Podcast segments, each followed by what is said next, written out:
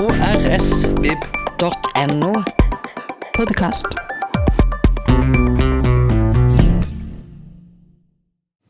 Hei og velkommen til en ny podkast fra Kristiansand folkebibliotek. I dag har vi beveget oss ut til Vågsbygd bibliotek, hvor de har et vakkert møterom med masse bilder av Mette-Marit, som skuer ned på oss. Og I rommet her sammen med meg så har jeg da Karoline, som er barne- og ungdomsbibliotekar ved Vågsbygd bibliotek. Hallo! Jeg har Tove, som er biblioteksjef ved Vegårshei bibliotek. Hei, hei. Og Tina, som er skolebibliotekar ved Tangen videregående skole. Hallo. I dag så tenkte vi vi skulle snakke om uh, fenomenet Harry Potter.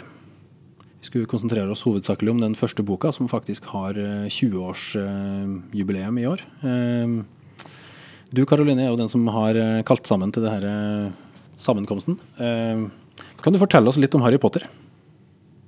Harry Potter er en bokserie som har gått sin seiersgang rundt om i verden i de siste 20 åra, siden 1997. Og har skapt, eh, skapt et, ja, et fenomen som har blitt eh, ja, Det finnes ikke noe lignende i hele verden, tror jeg. Som har starta med at det var en bok, og så ble det flere bøker, og så ble det film, og så ble det ja, et fenomen. Mm. Hva med deg, Tove? Har du noe spesielt forhold til Harry Potter-fenomenet? Jeg har et uh, intenst forhold til Harry Potter-fenomenet. Intenst, faktisk. Intenst. Uh, og det begynte faktisk uh, når jeg jobba som bibliotekar i Stavanger i 2005. Hun som jeg delte kontor med, spurte om jeg hadde lest den første boka om Harry Potter. Det hadde jeg ikke. Uh, kom til side tre hjemme og skjønte at her har jeg funnet gullgruvene. gullgruven. Altså. Og det var til og med den norske oversettelsen. Så jeg leste de tre første bøkene på norsk før jeg gikk over til engelsk. Du leste etter hvert som de kom ut, liksom? Ja. Så den bok nummer fire måtte jeg lese på engelsk, for da var jo den ikke kommet på norsk. Og etterpå det så har jeg aldri sett meg tilbake. Jeg måtte begynne på nytt å lese de på engelsk. Ja, Ja. ikke sant. Mm. Du Tina, har du, hva er forholdet ditt til Harry Potter? Oh, det er et veldig kjærlig forhold. Jeg er veldig glad i boka. Eh, Bokserien, egentlig. Um, jeg leste, første gang jeg leste boka, det var på barneskolen. Eh, da var vi i biblioteket. Du vet, du har jo du skal jo inn og få din eh, ukentlige lesing eh, på barneskolen og greier. Og eh, det var, da var det ei klassekamerat som kom bort og sa 'Jeg tror du vil like den boka'. Uh, og det var den første Harry Potter-boka, og eh, den slukte jeg. og så meg aldri tilbake. Ønska deg mer med en gang? liksom? Oh, yes. Eh, og jeg gjorde jo egentlig det samme som Tove, men uh, jeg leste De fire første hadde kommet ut på norsk. Og så kom, uh, måtte jeg kjøpe den femte boka på engelsk når den kom. Da var jeg vel ca. 13, tror jeg har regna ut. 13-14. Og det var en massiv bok på engelsk. Så den var Men jeg klarte ikke å vente.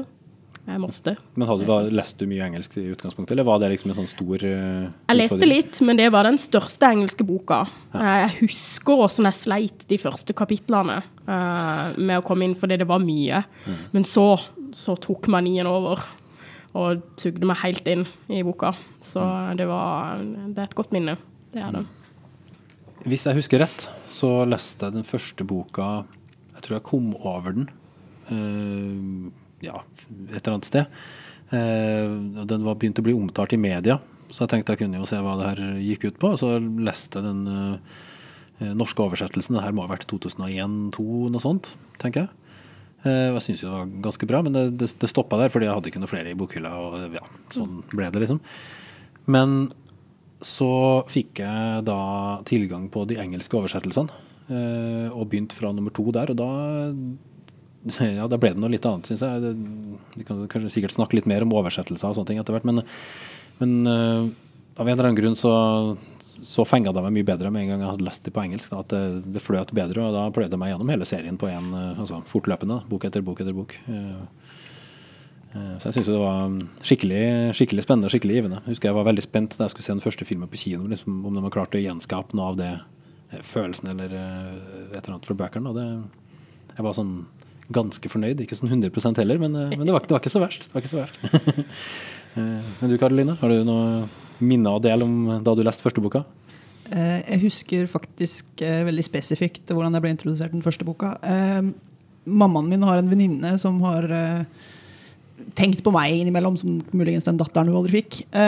Og fikk et brev i posten med kun en Jeg tror det var et utklipp fra Dagsavisa. Med et, eh, en bokanmeldelse av den første Harry Potter-boka.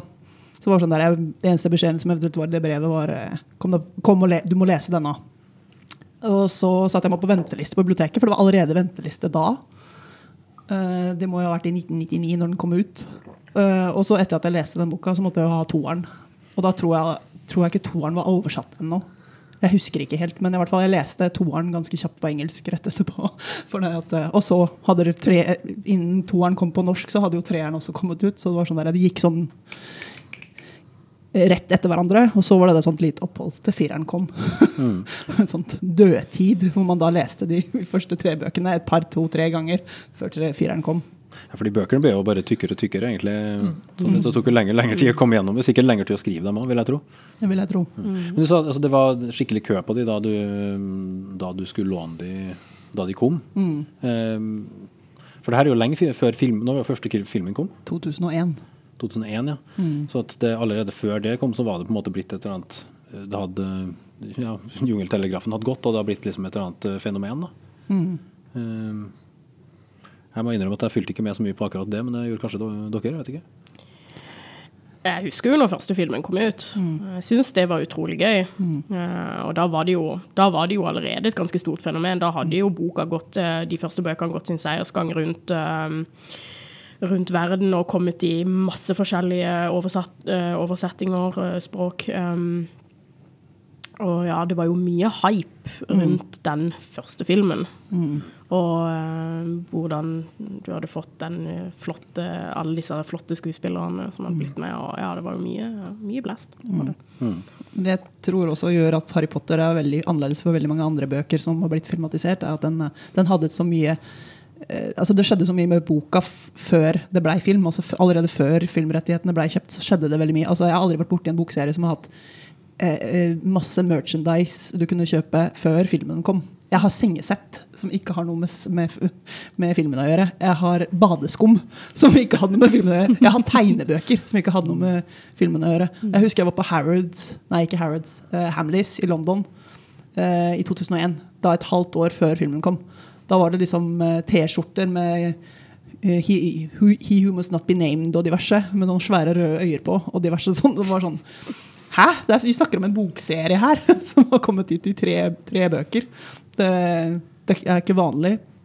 Og så var det jo det med at eh, hun, Rowling vant vanvittig mange priser. Eh, som for liksom god litteratur. Og, og det at de ble så populære at de, Bloomsbury, som nå gir ut eh, Harry Potter i England, de lagde egne cover for voksne. Sånn at foreldrene kunne lese bøkene uten at ungene skjønte hva de leste. Hvis Ja, det er jo litt, små at ikke de eh, kunne lese Bare for at foreldrene skulle vite hva som skjedde før ungene. For de klarte ikke å vente til neste kveld når ungene hadde sovna. Ja, for han var jo utrolig populær med ikke bare ungene, men Nei. voksne elsker jo serien. Jeg ser jo det hjemme sjøl. Altså, min mor utover i serien bare 'Er du ferdig snart? Kan, jeg, kan, jeg, kan jeg snart få lov til å lese denne fort?' Mm. Hun, min mor elsker jo denne serien like mye som meg. Um, og det, det Ja. Veldig populær med både Det er jo litt med det du sier, altså at du, det var egne cover med, for voksne. Jeg kan ikke komme på så veldig mange barnebøker, som, eller barne- og ungdomsbøker egentlig, som har cover tilpassa et voksent publikum. Kan vi komme på noen eksempler i hele tatt? Nei. Annet enn, Ikke. annet enn kanskje de her eh, litt eldre klassikerne, kanskje. Men eh, Ja, for hvis du tenker på sånn som eh, Tom Sawyer og sånn, ja, så er jo det ofte gitt ut som voksenbøker.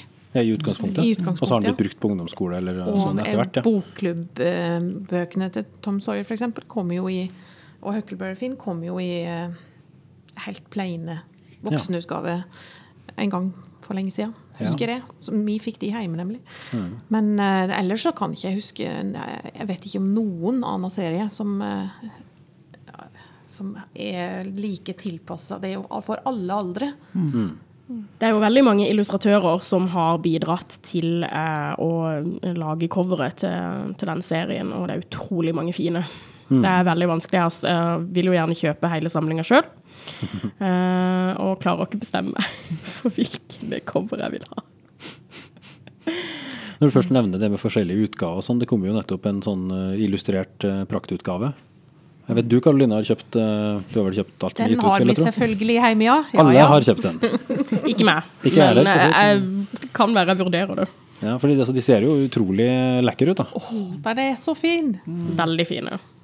Det jeg er bekymra for, er at den nye illustrerte utgaven vil ødelegge for de som da normalt ville ha lest den uten bilder. Altså at det med fantasien vil bli litt sånn skyvd i en spesiell retning. om at Sånn ser karakterene ut. Kan du ikke si det samme om filmatiseringa, egentlig. sånn sett da. Det er jo, Ofte så er det sånn at hvis en, hvis en bok kommer ut først, så har den et eller annet plain cover, og så kommer det en film. Og så blir boka gjenutgitt bare med bilder fra filmen. Eh, Det er jo forholdsvis vanlig. Noe som ironisk nok ikke har skjedd med Harry Potter. Det har det ikke skjedd i hele tatt? Nei, det fins ikke har noe filmcover på bøkene. Hmm. Utrolig nok. det har jeg ikke tenkt på. Det er ikke heller, det er når du sier det. Yes. Men det er jo ofte ikke vanlig at eh, bøker blir så mye illustrert som den boka. Den her, altså, den er jo illustrasjoner på en eller annen måte gjennom hele boka, så det er veldig mye som er eh, illustrert. Så veldig mange mennesker vil nok ha, nå ha enten bilder av bok, den illustrerte boka eller fra filmen. Det, jeg, jeg er litt sånn redd for at fantasien vil bli litt ødelagt. Ikke for det, jeg er utrolig fornøyd med den illustrerte utgaven. Den er helt fantastisk. Og 99,9 av alle de karakterene som jeg så for meg i hodet mitt før jeg leste den, så sånn ut som det var i den illustrerte utgaven. I motsetning til hva de gjorde i filmen, hvor det ikke så sånn ut som jeg hadde forestilt meg.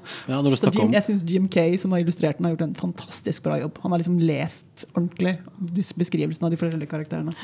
Men når du snakker om altså, utseendet til karakterene, så er jo altså, det er jo beskrevet forholdsvis eh, sånn eh, Hva skal man si Ikke, ikke utrolig detaljert. Altså det, eh, du får nok visuelle beskrivelser til at du kan se dem for deg i hodet, men ikke nødvendigvis så mye at du eh, at det blir for spesifikt. Altså, det var vel noe i forbindelse med teateroppsetninga i London, hvor Hermione var spilt av ei svart jente. Og det da ble påpekt at ja, men det blir jo aldri sagt hvilken hudfarge hun har i bøkene. Hun blir aldri beskrevet som hvit eller svart. Eller, altså. Det er jo egentlig et litt sånn det er egentlig et genialt trekk, for det hjelper jo veldig med altså, å identifisere seg med karakteren. At vel, det blir ikke det, det er bare blankt, så du kan fylle inn det du ønsker å, ønsker å se. da. På den annen side så kommer du innimellom så kommer det noen beskrivelser om, eh, om karakterer. F.eks. for eksempel eh, på rumpeldonk-laget til Harry så er det ei jente som, eh, som eh, er svart. Og hun blir nevnt som at hun er svart, og hun har lange sånne typiske afroamerikanske fletter. Kjempelange fletter. Eh, og nå husker jeg ikke hva hun heter. Men om det er Alicia Spinnet. Alicia Spinnet.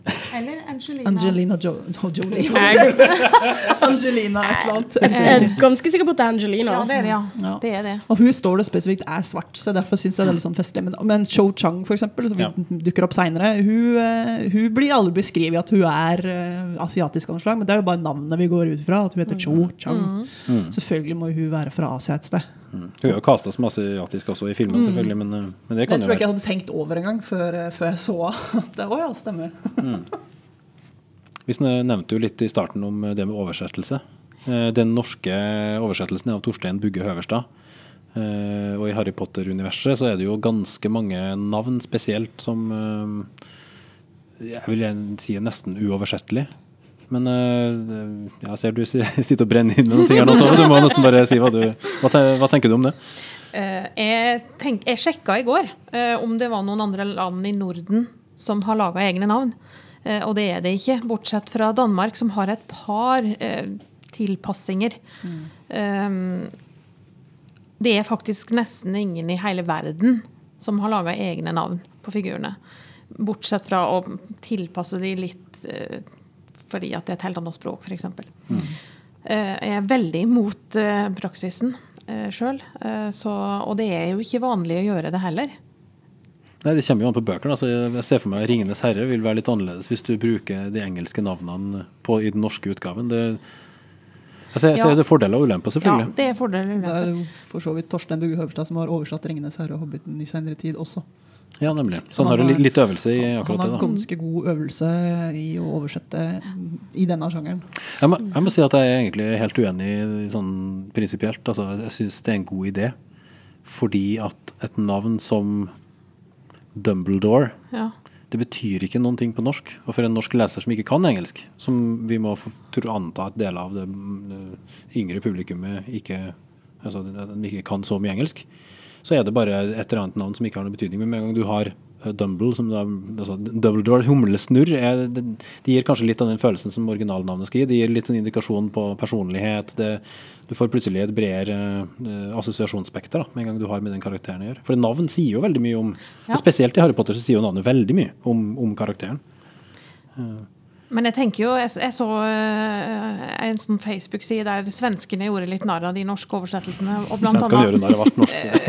Moaning Myrtle blir til Stønnestina, og det var liksom sånn passe eh, Passe pornografisk. Og jeg tenker, ja, jeg er helt enig. Jeg syns ikke Stønnestina er Moaning Myrtle er jo ikke så mye bedre på engelsk. Det er ganske ille, det også. Det er kanskje det. Moaning. Det er kanskje det. Det er litt svett. Dette er ikke for barn, bare. the way. Men der har danskene jo oversatt for Der heter hun Hulke Uh, Hulkende Hulda, eller noe sånt. Mm. Mm. Moaning Myrtle. Ja, for det, moaning vil jo ikke gi noen som helst Nei. mening på norsk. Så der, eh, der er vi inne på noe. Uh, For i, eh, altså, Siden 'Ringenes herre' ble nevnt, så er jo, altså, den har blitt oversatt tre ganger. To ganger til bokmål og en gang til nynorsk. Uh, og der kan du oppleve at de fra oversettelse til oversettelse har forskjellige navn. Altså Bilbo Baggins heter Sekker, så vidt jeg husker, i den første eh, Den som vi oversatt på 50-tallet en gang. Eh, og så ble det Lommelun, som er et langt koseligere eh, etternavn på 90-tallet. Eh, hva heter den på den nynorske utgaven? Er det noe som heter? Husker ikke. Men det er noe helt annet igjen. i hvert Det er noe helt annet. ikke sant? Og ja, noe som passer bedre på, på nynorsk, naturlig nok. da. Men jeg synes, bare for å fullføre på en måte det resonnementet, Tove, mm. så er det jo akkurat det at jeg, synes, jeg syns at det Da har du tilpassa navnet sånn at det passer inn i det språket det eh, er tilrettelagt på. For en japaner så vil kanskje ikke navnene bety noen ting i det hele tatt, hvis det er engelske navn. Da vil det bare være et engelsk navn.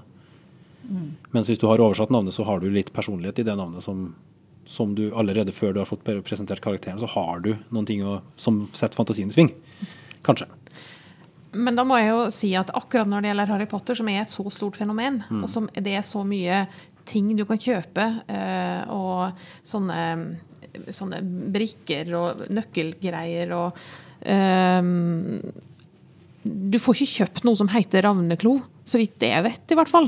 Ikke at jeg har Ja, lett sånn, ja. etter det, for det har jeg ikke. Jeg har begynt å gjøre, lage ting så vidt Ja, jeg vet, grann, med ja. norske oversettelser. Noen Ja. notisbøker, f.eks., har de begynt å oversette de, de norske tingene. Ja, fordi at når det er en så stor industri, så syns jeg, jeg kanskje det akkurat med de bøkene her at det hadde vært greit å holde på de navnene de har. Fordi at eh, det De fleste, eller veldig mange vil jo reise De fleste ser jo filmene òg. Eh, og så har du jo store, fantastiske filmstudio i London, da. Eh, og hvis du da på en måte helt inni den norske, de norske navnene og sånn, så ja, ja, du vil jo skjønne det selvfølgelig, men ja, jeg, vet ikke, jeg vet ikke hva som er lurt. Jeg tror ikke det er en fasit på det, altså, det er ikke sånn, men eh, jeg kan se at det er forskjellige synspunkter på det. Altså, jeg tenker i forbindelse med hvis du, hvis du ikke kan engelsk og ikke kan uttale altså Jeg hadde sleit sjøl veldig med navnet Hermione, som jeg ikke skjønte helt hvordan jeg skulle uttale engang, før jeg hørte Stephen Fry lese det på lydboka på engelsk. Eh, Så det at jeg vokste opp med Hermine, det var en egentlig liten lettelse, for det klarte jeg i hvert fall å uttale. Ja. Og mange av de navnene på engelsk er faktisk veldig rare hvis ikke du kan eh, hvis ikke du kan det opprinnelige ordet på engelsk. F.eks. noe så eh, elementært for meg, da, som leprechauns. Som ikke ble nevnt før i bok fire, by the way. Men, eh, men eh, for en som da aldri har hørt ordet før, som da vil si lepresjaunene på norsk. Og hvor da jeg ikke skjønte hva de snakka om engang. Ja, um, jeg kjenner jo igjen at jeg leste jo når jeg var liten. Jeg er såpass gammel, da. Så jeg, det, det, det, men det er sikkert derfor jeg har det med at jeg vil ha de engelske navnene. For jeg leste om Nanki Drev, og sa til min mor at det- Nanki Drev er så morsom. Og så sa hun det uttales Nancy Drew, altså. Og så tenkte jeg ja ja, men jeg, jeg kalte henne Nanki Drev eh, lenge. Men eh, eh, hun har jo ikke en stor industri rundt seg, da. Nei, sånn. Ikke så stor. Nei. Nei, De bøkene har jo også kommet i nye utgaver, og Lille Nancy Drew og alt mulig rart. Og der heter hun ikke Nancy Drew lenger, eller? Jo, det gjør jeg sikkert, vil jeg tro. Okay. Mm. Det, jo, jeg tror det. De heter jo det i tittelen, for så vidt. Ja. Eller bare Frøken detektiv. Frøken detektiv, for så vidt. Ja. Men det er jo for så vidt noe som ville vært litt dumt å ikke oversatt igjen. da. Så, men det, det har jo med en arbeidstittel eller ja. Men det som er også litt interessant i forbindelse med den oversettelsesprosessen, er at eh, nå, har jeg, nå går, baserer jeg meg bare på ting jeg har hørt og muligens lest. Men Torstein Bugge Høverstad eh, innså ganske fort at hvis jeg skal oversette dette, så, jeg, så vil jeg gjerne ha navnene på norsk. Så han sendte visstnok eh, brev til Bloomsbury eller mail eller hva han gjorde, og spurte om går det greit om jeg oversetter navnene. Og det var såpass tidlig i prosessen at folk hadde ikke egentlig tenkt helt over det før de sa ja, eller han gjorde det uten tillatelse. eller noe sånt. Så han skapte egentlig litt furore. Og så vidt jeg har forstått, så er det ingen andre som har fått lov etterpå å oversette navnet heller. Oi. Så han ødela for alle han nå eier disse navnene. Han får copyright-penger hver gang de blir brukt i en eller annen sammenheng. Ja, sammenheng. for han har Dette skapt hadde jo da ikke Bloomsbury tenkt på. Eh, fordi at det var ikke blitt et så stort fenomen ennå. Altså I 1999, det var to år siden den første boka kom. og Det var begynt å bli et fenomen, men det er ikke så stort som det ble selvfølgelig et par år senere når filmene kom. Så det at han i det hele tatt klarte å få dette gjennomført og, og slapp unna med det, er egentlig et ganske interessant fenomen i seg sjøl. Eh, ja, jeg måtte bare si det. Jeg støtter Torstein Bugge Høverstad på mange plan, men jeg kan ville aldri tilgi han for at han eh, ikke klarte å holde tvillingene til originalen. De skulle hete Fred og Frank, og ikke Fred og George. Georg funker veldig bra på norsk. Georg er jo Absolutt. et Og hva han gjorde for bok fem, det skal vi ikke gå inn på i denne podkasten. For det var da jeg slutta å lese de på norsk. Godt poeng. Um, er Harry Potter god litteratur? Er det, er det altså, Noen vil jo avfeie det som nei, jeg leser ikke det, for det er en barnebok. Jeg syns det er god litteratur. Altså, nå vet jeg jo at Det er jo litt tåpelig av meg å stille spørsmålet her, egentlig, til dere tre andre her. Eh, Jeg antar jo at ingen av dere vil eh, si at det her er dårlig. Men, eh, men hva er det som gjør at det her er på en måte altså, tåler, Kommer det her til å være like stort om 20 år, om 40 år, om 60 år? Er det så stor kvalitet på det? Jeg tror det. Jeg tror òg det. Jeg tror det er tidløst, og det er en veldig god fortelling. Og jeg tror at det vil tåle veldig mange år framover. Eller jeg tror det vil være like populært som 'Ringenes herre'. Um, det er folk i dag som uh, er like glad i de bøkene som de var når de var liten, og jeg tror folk vil uh, Folk som har vokst opp med bøkene, vil introdusere sine barn til bøkene. Det vil leve videre. Um, den kjærligheten vil aldri dø, tror jeg. Akkurat sånn som 'Ringenes herre'. Tror noe av det som gjør Harry Potter unik, det er at, eh, at jeg, vil, jeg vil tro at dette er en bokserie som passer inn i noe som heter, vi kaller på fagspråket så for allalderslitteratur. Du kan lese den når du er liten, og så ser du noen ting, og så blir du litt større, kanskje tenåring, og så, og så finner du noen andre detaljer, og så blir du voksen, og så finner du noen enda noen nye detaljer som du ikke så når du var liten, fordi at de tallene gikk, gikk deg hus forbi. For du var ikke voksen nok til å forstå de. Eh, som gjør da at du vil få glede av de for hver gang du leser de. Eh, jeg har ikke tall på hvor mange ganger jeg har lest den første boka, men eh, for hver gang jeg Flere leser den ganger, i hvert fall. jeg mista tellinga etter åtte. Eh, men men liksom for hver gang så er det en eller annen detalj jeg har missa. Som jeg ikke leste forrige gang, som jeg ikke fikk med meg. Og det, det er bare noen sånn indre glede. Jeg har aldri vært borti bøker som, har, som jeg har lest flere ganger, som jeg har tenkt det samme med. Jeg har lest flere andre bøker som jeg syntes var fantastiske når jeg var liksom 11. Og så har jeg tenkt hva i all verden har jeg tenkt på for noe? Ufattelig blåst jeg var som likte den boka da. Unnskyld meg sjøl at jeg ikke var så erfaren leser på den tida. Men nå som jeg er det, så tenker jeg ja, her er jeg, det her er jeg for gammel for. Men Harry Potter er ikke sånn. Kan du komme på noen andre eksempler på allalderslitteratur? Altså, snakker vi sånn uh, 'Redderen i Rugen' eller sånn type bøker, eller hva, hvor er vi hen? Altså Allaldersbøker er vel bøker som du kan lese når du er ganske liten. Og så kan du fortsatt lese det når du er ganske altså, Det brukes vel mest om bildebøker. Jeg tenker òg noen bøker nå som er kommet ut eh, i fullstendig oversettelse. Eh, 'Den hemmelige hagen', Ja. eh, Anne Bjørkeli. Jeg leste Anne fra Bjørkeli i fjor. eh, som er for så vidt ei barnebok, men eh, funker veldig bra for voksne òg. Jeg tror Definisjonen på alle alderbok er at for eksempel barn og voksen kan lese den sammen og ha glede av den samme boka. Eh, gjerne på forskjellige plan, sånn at du kan vokse med boka. Sånn at eh, Det vil ikke være den samme boka neste gang du leser den hvis du er noen år eldre. For du har andre erfaringer og andre ting som du tenker på. kanskje. Så boka vil gi deg noe helt annet, ettersom hvor fokuset ditt er hen. Og det vil jeg si er et kvalitetstegn. Ja. Ja. Det finnes jo noen bøker som du må på en måte lese når du er i riktig alder. som vil treffe deg veldig godt når du er i et spesifikt aldersspekter. Og hvis du leser det for sent, så er det, da har på en måte toget gått. Hvis du ikke har lest den i gang før og kan lese den på nytt og på en måte se noe nytt. Men altså, eh, er det noe spesifikt alderstrinn at det er lurt å på en måte begynne med Harry Potter? Jeg synes Det er veldig vanskelig spørsmål å svare på når du vet at det fins femåringer som leser 'Ringenes herre'. Eh, Finnes det? Det fins. De wow. fem- og åtteåringer som leser 'Ringenes herre'. Men eh, Wow. så det jeg pleier å svare når folk spør meg hvor gammel må du være, så sier jeg prøv. Gi det et forsøk. Blir det for vanskelig, la det være. Gi det et år eller to, så prøv igjen. Eh, men vær klar over at de blir vanskeligere etter hvert. Nummer én, to og tre. Altså, de er de letteste, og så begynner det å bli virkelig vanskelig. Da krever du virkelig noe av leseren din. Ja, for det var kanskje den største sånn uh, aha-opplevelsen da jeg nå leste igjen den første boka uh, på engelsk, da, uh, før vi skulle gjøre det opptaket her. At plottet var jo mye enklere enn jeg huska. Altså, det, nå har jo jeg lest alle de altså De siste mine har jo Harry Potter har lest siste boka. Og der var det jo masse som skjer. ikke sant? Det er Kjempetjukk bok og masse karakterutvikling og eh, en del ganske grymme ting som skjer. Mens i den første boka så er jo en del personer nesten karikaturtynn. Fordi du får så lite beskrivelse, for det er rett og slett så lite plass å, øh, å beskrive dem på. Da. Um, sånn at de personene som jeg hadde som, kanskje har hatt som favorittkarakterer gjennom serien, de syns jeg nesten ikke er kjent igjen i den første boka. Men, øh, men øh, hva er favorittkarakterene deres fra den, hvis vi bare skal ta den første boka? da? Ikke alle på en gang. Eh, jeg, tenker, jeg, jeg, vel- jeg har veldig sansen for Peeves. Peeves, Ja.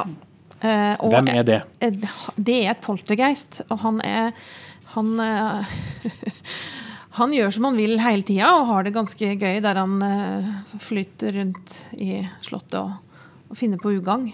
Eh, En skøyer, rett og slett? En skøyer, ja. Og uh, gans, han kan finne på ganske sånne ugreie ting. Helle vann over de, og kaste pinner på de, og på elevene, altså. Og sladre hvis de er ute om natta. Og, ja. Ja, Han er jo ikke veldig snill, men eh, nå, han er ganske morsom. Og jeg har et bilde av han. Jeg vet ikke hvor jeg har fått det fra, for han er jo ikke med i filmen. Um, i, uh, filmen. Han er, han er jo ikke med i filmene. Det er jo sørgelig. Det er jo helt sørgelig.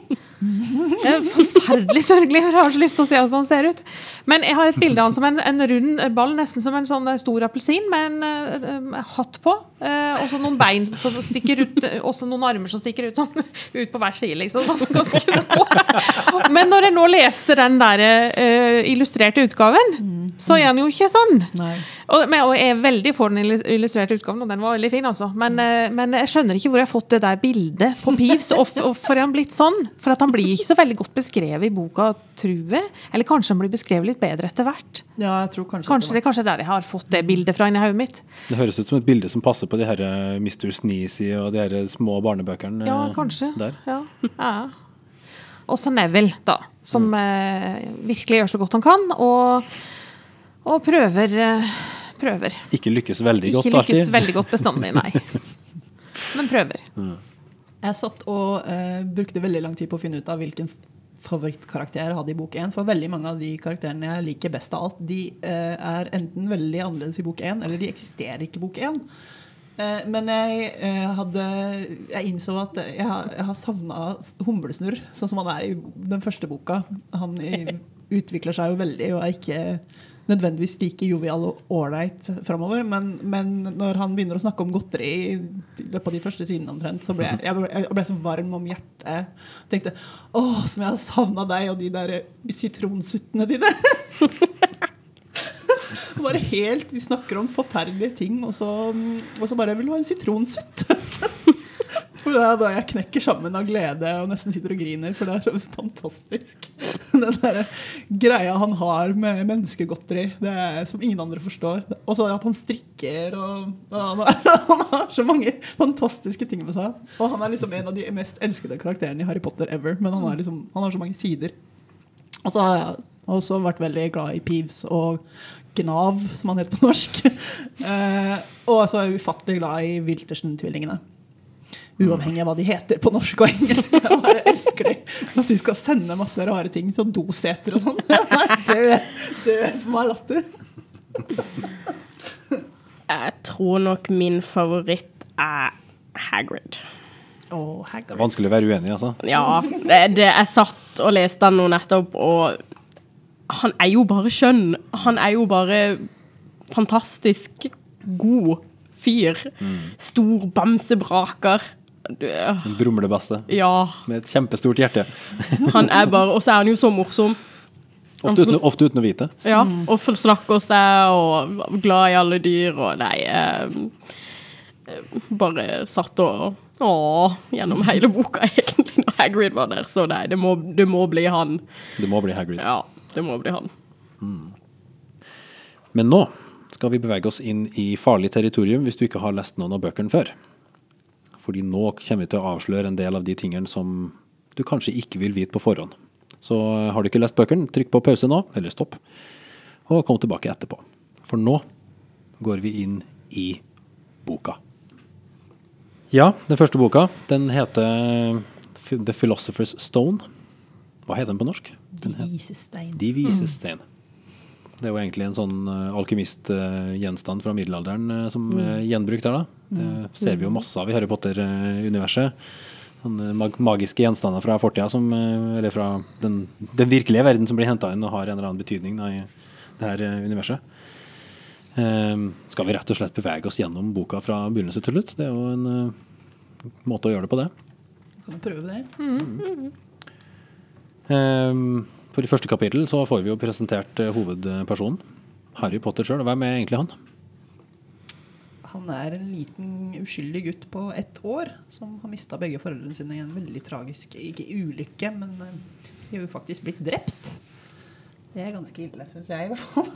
Og foreldrene var jo da eh, ledere, eller en del av ledelsen i motstandsorganisasjonen mot eh, den onde makten. Så det er egentlig en sånn krigssituasjon vi mm, ser slutten på, da. I, Ja. I, I begynnelsen av boken. Ja. Som medfører at uh, hovedpersonen har blitt uh, foreldreløs.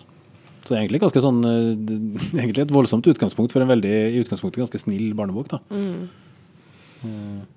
Og så har han jo en utrolig fetter.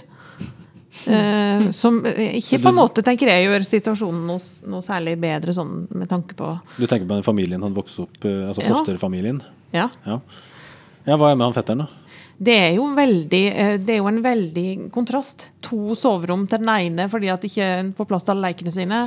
Og eh, eh, kott under trappa til den andre fordi at eh, han får plass der. Ja. Ja. Ja, for den forskjellsbehandlinga er jo noe av det mest eh, groteske altså det, Her må barnevernet på banen, tenker jeg. da, men En ting som jeg tenkte på for første gang da jeg leste denne boka nå for 48. gang, var hva slags eh, lønning har egentlig eh, Vernon Dursley, eller Victor Dumling som han heter på norsk, hvor mange presanger Dudley egentlig får? Det er utrolig mange, det er utrolig dyre ting, tenker jeg. Den lønningsslippen til han eh, faren må jo være helt enorm!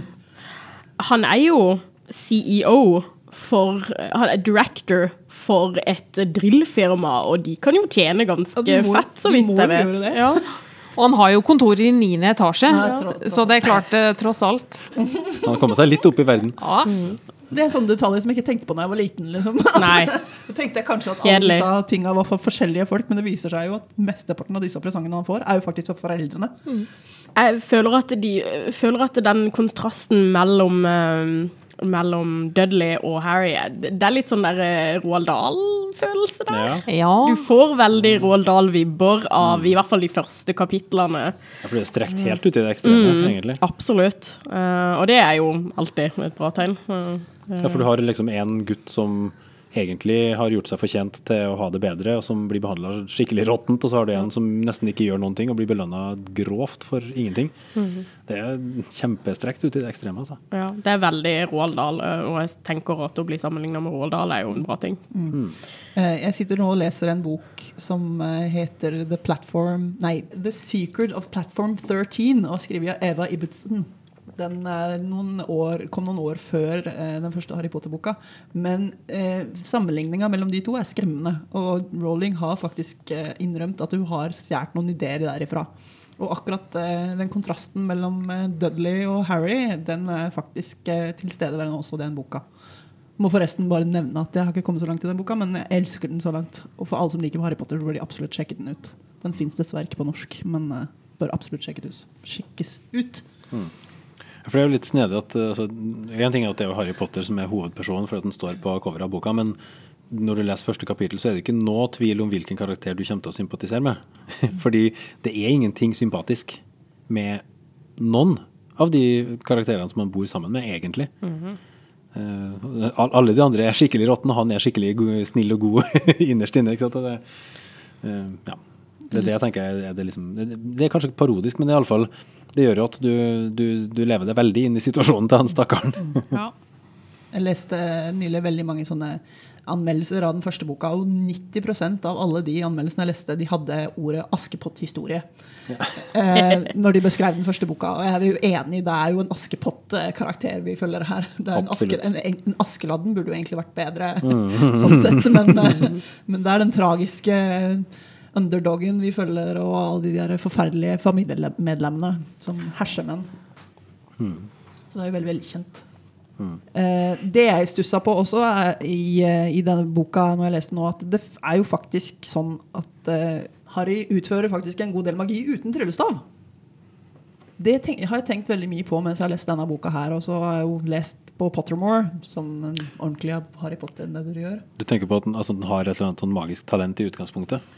Ja, altså han, han, bare det at når de er i dyrehagen, så får han faktisk en hel glassrute til å forsvinne.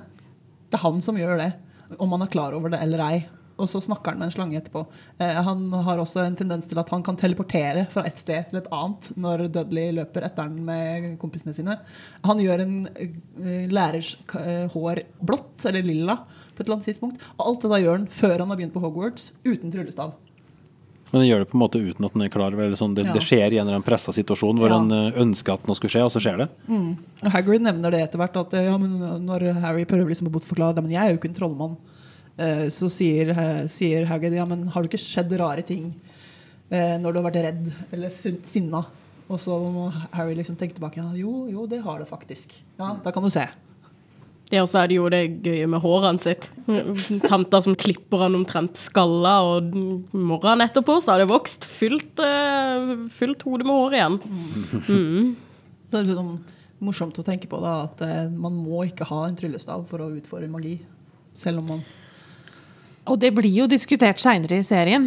At du kan kanalisere magi gjennom hva som helst, egentlig. Men at en tryllestav vil fungere best. Så når du da leser på Pottermore Nok en gang, jeg kommer til å referere mye til Pottermore. Eh, I Afrika så har, ikke, så har ikke hekser og trollmenn tryllestaver i det hele tatt. De, bare, de bruker hendene sine og kanaliserer, har tydeligvis øvd på å få kanalisert magien gjennom hendene. Mens i Europa så bruker man tryllestaver. Og US- USA selvfølgelig. Så det er jo litt sånn artig fenomen. Nå er vi virkelig på nerdenivå her. Det jeg har lyst til å snakke litt om, Karoline, det er jo eh, det at Hagrid flyr til øya. Åssen gjør han det? Fordi at eh, Seinere i bøkene så, kan, så må, han jo, må han jo bruke motorsykkel. For han kan jo ikke gå på en, eh, en soplime, fordi den, da blir han for tung. Ja, det er også en ting. Og så ja. Kan han jo ikke ja, Han kan bruke magi, selvfølgelig, men han, det, han sa at han fløy. Hadde han, hadde han Vær så god, Tina. Han er Mary Poppins. Han har jo, han har jo den der paraplyen sin. Det er, det er, han er Mary Poppins. Han fløy med paraplyen sin. Jeg godtar ingenting annet. Det må være det. Hagrid Det, Poppins. det er også en, eh, en detalj som jeg har lurt litt på. Fordi at de sier, når de er hos Ollivander, så sier, eh, sier Hagrid at ja, men tryllestaven min ble jo knekt. Jeg ble jo utvist fra skolen. Og så eh, sier eh, Ollivander et eller annet Men du bruker vel ikke bitene du bruker, du bruker ikke bitene, selv om du har de, vel? Og da står Hagrid og knuger veldig hardt på den rosa paraplyen. nei da, nei, jeg har bitene, men jeg bruker, de ikke. Mm. Eh, og i bok sju det må det være greit å si nå. Så, og, og i bok to, ikke minst, så sier de jo at eh, når en tryllestav er knekt, så er den knekt. Da er det ikke så veldig mye mer du kan gjøre. Jeg tror at i, i bok én så prøvde hun ut noen teorier. eh, og så ser hun allerede i bok to at enkelte av de må bare justeres. Eventuelt så har jeg en teori. Nå er vi skikkelig på nerdenivå her. Jeg har en teori om at siden det er Dumbledore som eier den staven han eier, så har han kunnet fikse tryllestaven til Hagrid. Men det har han jo ikke gjort. Men han kunne ha gjort det. Han kunne ha gjort det, men han De har har, ikke jo gjort et det. sånt der, de har jo et sånt spesielt bånd. Ja, å ja, sånn. Sånn at han, Ja, at den, eneste ting, den eneste staven i verden som kan fikse andre staver, Ja, den eies av Dumbledore, som er veldig god Ja, ja, ja. med Hagrid. Muligens at han reverserte det etterpå. for Vi ser jo ikke så mye at han bruker den tryllestaven senere, men kanskje akkurat i dette tilfellet så ble den fiksa for at han skulle hente Harry. Nå er vi rimelig utpå her, altså. Og det er det som er så gøy med Harry Potter også. Det er så mange teorier ute og går om hvor, hvor noen av de er helt på jordet. Muligens denne er helt på jordet.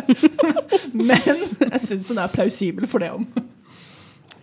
Men øh, han øh, Potter sjøl, han blir jo øh, innkalt til til trolldomsskolen. Ehm, de her øh, fosterfamilien vil jo helst ikke vite av at han skal få noe som helst øh, brev, men det blir jo vanskelig å unngå etter hvert. Eh, Det er jo nesten, igjen, det er nesten parodisk hvor langt det går for å, for å unngå å få de her brevene som kommer flygende gjennom lufta, i hopetall. Eh, det er jo noe av de mest komiske delene de, før han kommer til Hogwarts, etter min mening. Det, det, det her bilturen de har for å prøve å flykte fra, eh, flykt fra brevene som eh, helst ikke skal komme. Det er jo et ganske bra postsystem. Altså, posten har noen ting å lære, Å lære, her. Mm, absolutt. Du trenger ikke så veldig detaljert eh, adresse for at det skal komme frem. Men allikevel så er den jo veldig detaljert. Veldig. ja, sånn gutten under trappa, ja, nemlig. Eller The Smallest Bedroom. Ja, det minste soverommet. Mm. En ting som jeg også tenkte mye på Nå er det veldig mye meg her. Um, Men eh, tidsperspektivet i Harry Potter eh, er noe som jeg ikke tenkte så mye på mens jeg leste. Men det er sånne ting som man eh, nerder litt over etter hvert. For Harry Potter, karakteren, er født 31.07.1980. Det vil da si at når han begynner på Hogwarts, så er vi i 1991. Høsten 1991. Eh, for det er jo noen ting som jeg har tenkt på etter hvert. At eh, ja, men i, de kunne jo altså oh, Hvis man skal sende beskjed til hverandre, så sender man en ugle. Mens i muggle-verden så sender man en SMS. Har jeg tenkt. Så det er jo egentlig Ja. veldig tungvint. Men i 1991 hadde man ikke mobiltelefoner. Iallfall ikke med SMS. eh, Så veldig Nei. Eh, så det forklarer liksom det. Men eh, det kommer liksom ikke så veldig fram i bøkene heller at vi er i 1991. Men hvor, hvor har du plukka opp det? skulle du si? Er det noe som eh, har blitt sagt utenom? For det står vel ikke i bøkene? gjør det? Bursdagen hans står, eh, står på, i boka i forbindelse med når de leser The Daily Prophet seinere. At De var i banken, eh, og den ble rana den 31. juli, og det var bursdagen hans. Men det står vel ikke noe om årstallet, nei. Det er vel Pottermore som eh, har kommet fram til. Ja, Så det er liksom på en måte utvida universet, eller altså, det er utafor bøkene? Pottermore består jo veldig mye av informasjon som Rowling har hatt tilgjengelig eh, med notater, men som hun har ikke brukt i bøkene. For det er ikke viktig for, altså, det står i bøkene, men det er viktig for henne å vite når Mm. karakterer skal utvikle seg. og sånn. Mm. Bakgrunnsinformasjonen til enkelte og sånn. Så når liksom The Battle of Hogwarts er ferdig, det er omtrent da han, historien blir gitt ut, på en måte. Ja, sånn, ja. Så historien er på en måte ferdig egentlig når hun begynner å gi ut bøker etterpå. Ja. Mm.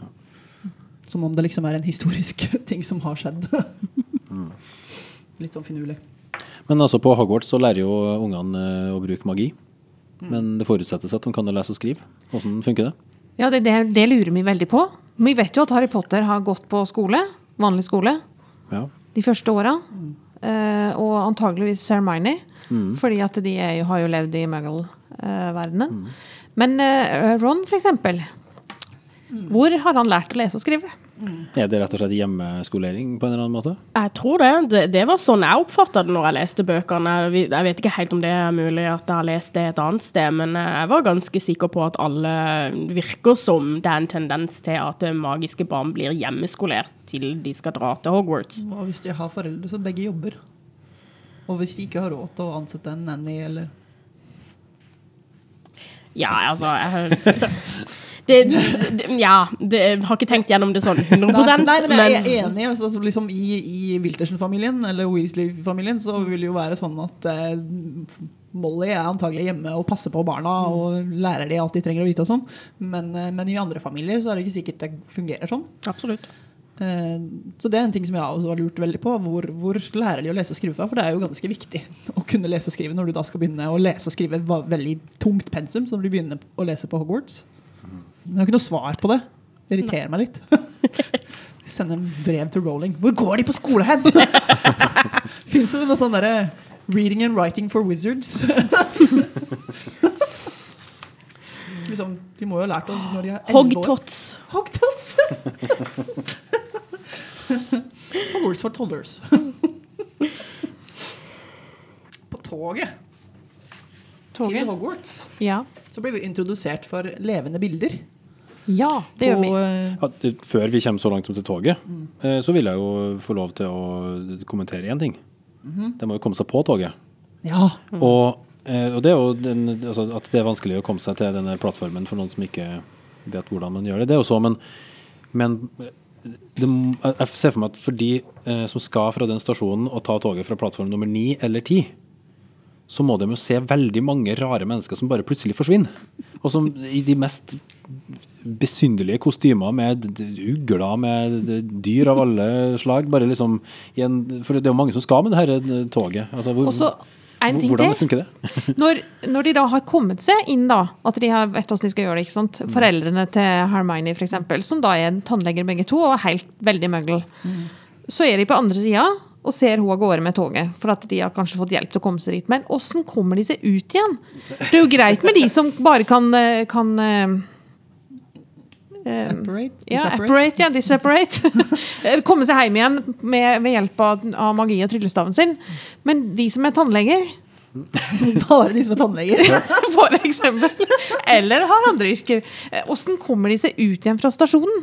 Vi må jo anta at det er For det sies jo at det er en sånn uh, doorway, en uh, Hva heter det? En, uh, et inngangsparti som du på en måte sånn, Du går gjennom en vegg, Ja. og så når du snur deg, så har du kommet inn gjennom en døråpning, på en måte. Men uh, det blir ikke beskrevet noe nærmere. Er den åpen, antagelig, da? Vet ikke. Men jeg, jeg ser liksom for meg, hvis jeg hadde vært en pendler på Mhm. plattform nummer ni, og snudd meg og sett hvem i all verden er de her latterlige vesenene som skal som, Og hvor blir de av? De bare springer inn i en vegg, og bort er de. Heldigvis så skjer dette bare to ganger i året, da. Jo, men det må jo være to Ja, for så vidt.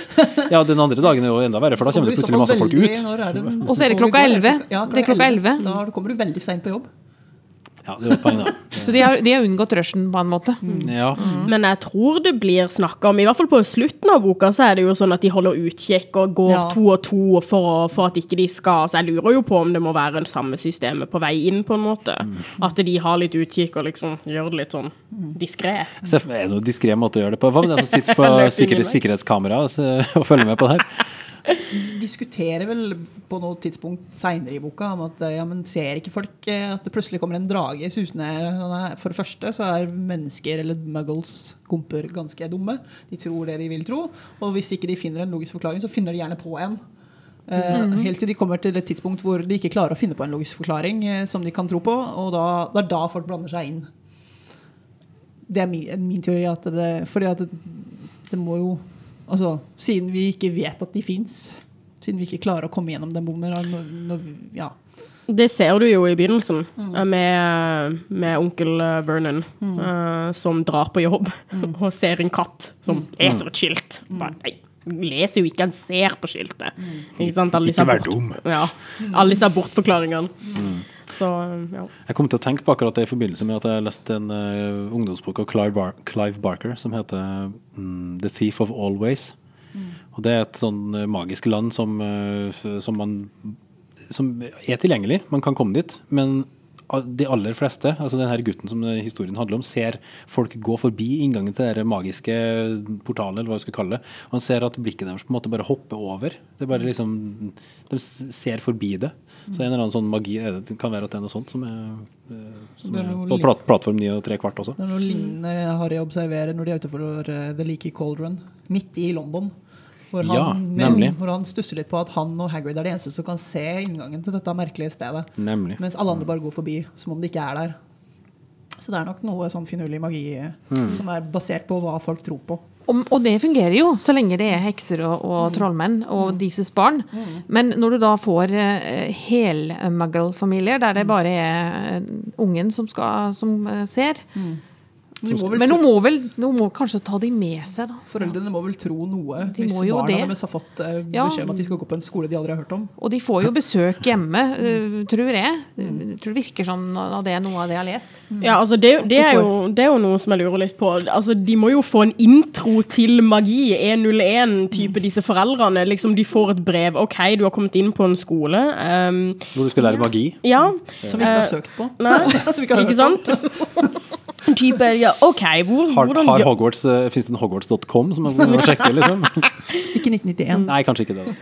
liksom, Hvordan gjør man dette? Hvordan hjelper foreldrene med å skaffe ungen sin utstyr som de trenger på Diagon Alley? Altså, det, liksom, jeg har sittet og, og lurt på det. Liksom, får de et introkurs i det? dere må gå sånn og sånn og sånn, og finne det og det og det? Og De må jo ha noe lignende for i forhold til når vi er i bok 6-7, når Dumbledore oppsøker Tom Riddle og forteller om eh, dette universet som man ikke er en del av. Så må det jo være det at de spesielle tilfellene så oppsøker de de personlig, vil jeg tro. ja. Den, den logiske forklaringen er jeg funnet etter hvert, i hvert fall. At det kommer en ansatt fra skolen og Ja. forklarer Hør her, du har fått plass, du har magiske evner. Vi vil gjerne vise deg hvordan dette funker. Litt som professor X i X-Men, Ja. Faktisk. Som eh, reiser rundt og forklarer at du har spesielle gaver og egenskaper, og du, du må komme til oss. Mm. Du snakka om toget. Vi snakka om toget, ja. Vi har begynt å gå inn i, inn i denne fantastiske verdenen. Og det er også litt morsomt at de, de er i et magisk samfunn, men du skal bruke en hel dag på å ta et tog. Det var egentlig ikke noe jeg tenkte over veldig mye før. Men, eh, men du da? bruker en hel dag på å dra til dette stedet du ikke vet hvor er engang. Så nå, vi, så nå folk egentlig har funnet ut at det er et sted i Skottland, men det er det vi vet. Hogwarts ligger i Skottland et eller annet sted. Men mer enn det er det jo ingen som veit. Selv når de går der, så veit de ikke helt hvor dette stedet er. Men at de ja, ja vi har brukt denne high-tech-metoden på å komme oss dit. Eh, det kalles tog. Det er en sjarm, og du blir jo får venner på, på turen ofte. Så det må jo være noe det, at de skal bonde med, med de menneskene de skal tilbringe de neste sju åra sammen med. Finne ut hvem som er din nemesis. eh, For så vidt også. For eksempel. Det er en ting jeg har lurt på. Liksom øh, unger som kanskje kommer Jeg leste det at det noen som tenkte OK, hvis du, kom, hvis du bor i Skottland, må du da dra ned til London for så å ta toget opp igjen til Skottland, istedenfor å kunne bare, du vet, kjøre dit? Jeg bor i Hogsmeade. Sykle dit. Ja, Hog. Men jeg bor i Hogsmeade, men jeg må ta toget ned til London først. For å ta toget hjem igjen. det er litt sånn merkelig at ikke det er magiske stopp på veien, liksom, så ungene ikke må kjøre helt ned til Hvis du bor i nord av England, England mot, mot kanskje Hvis du bor i Irland, hva gjør du da? Kanskje det? Nightbussen, Ja, det kan hende. Godt mulig. kanskje. Det må jo være en logisk forklaring på dette. Rolling! Tell us. Det er kult med tog, ok. Men altså, de, de kommer jo til, til Hogwarts. Det er jo litt av en intro vi får, egentlig. da. Eh, Men altså, de kommer på båt over den her eh, sjøen hvor, eh, hvor Hogwarts som et sånn slott ligger oppe på toppen osv. videre Men eh, i senere bøker så er det jo litt forskjellige ankomstmetoder til, til Hogwarts. Eh, Nå er det lenge siden jeg har lest bøkene, så jeg husker ikke om det faktisk er derfra, men det er i filmene det er introdusert. Det virker jo som det første året eh, førsteåringene kommer eh, får en litt sånn der wow-introduksjon til Hogwarts ved å da ta båtene over elva til, eh, til skolen. Mens de andre årene så ser du jo at de blir henta med vogner eh, fra på togstasjonen.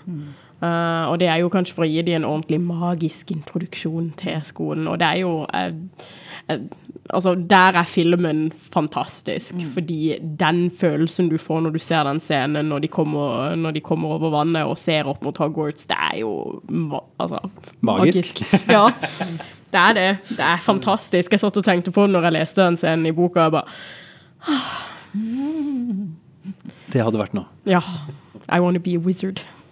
Which Yes. Når vi da har kommet til, til Hogwarts, så eh, må vi jo deles i hver våre hus. Da er det fire å velge mellom. What? Det tror jeg ganske, kanskje kan være vanlig i England, eh, på kostskoler. Ja, for denne skolen er jo tydelig at den, en, eh, altså det er en gammel skole. Den har jo holdt på en stund. Og de forskjellige husene har jo også eksistert en stund. Mm. Antagelig fra starten. da. Um, det er litt sånn middelaldersk, egentlig. Den, er, den er jo, starta jo i middelalderen en gang. Vi snakker om at for 1000 år siden, eller sånt, snakker vel om i bok to. Den eksisterte jo over 1000 år. Ja, for de fire, de fire husene, de, altså, du får jo et veldig eh, Hva skal vi kalle det? Et stigmatisert inntrykk av dem i, i første boka. For det, det Altså, hvem er det som vil være eh, Slytherin? Slytherin i, altså, etter å ha fått med seg noen ting om dem? For det er liksom Ja, har du lyst til å være en sånn snill heltehelt, eller har du lyst til å være en slem slangemann-kvinnedame? Hva, hva foretrekker du? Ja, slemming eller snilling, ja ja. Jeg syns, jeg syns jeg festlig Jeg prøvde nå, liksom, ved å lese den første boka nå, hva, hva slags inntrykk er det du får av Slytherin, punktum, i denne boka. Den første som nevner Slytherin i bok én, er Hagrid. Som mener at eh, det fins ikke en eneste snilling som har gått i Slytherin. Det er hans, eh, hans eh, førsteinntrykk- altså Harrys førsteinntrykk. At Slytherin er et sted du ikke vil være. Og så møter han Draco før han kommer til skolen. Eh, som også da mener at Slytherin er the place to be. Og da vil vi jo da mest sannsynlig Harry tenke what? Og han er jo skikkelig, også presentert skikkelig guffent. men du vil være der. og pluss jeg liker deg ikke. Mm, jeg skal ikke være venn med deg, i hvert fall. Og så kommer de til Hogwarts, og så må han ta et valg. Sånn halvveis sjøl. Hvor vil du være? Jeg vil i hvert fall ikke være i Slytherin. De andre er ikke så farlige med. Men, men jeg får liksom hele bok én i hvert fall er en veldig sånn der Slytherin vil du egentlig ikke være. Og Når du begynner å studere Slytherin litt, så tenker i hvert fall jeg at Rowling har antagelig gjort en veldig sånn uopprettelig skade mot Slytherin, fordi at hun har gitt de veldig egoistiske eh, verdier. Eh, liksom det, som gjør det som gjør at du passer inn i Slytherin, er liksom at du er eh, Skal jeg sitere fra boka her? Eh, du- skal ha pride, altså stolthet. Ambisjoner. Og cunning, det er vel eh, at du skal være litt listig. Pride, ambition og cunning.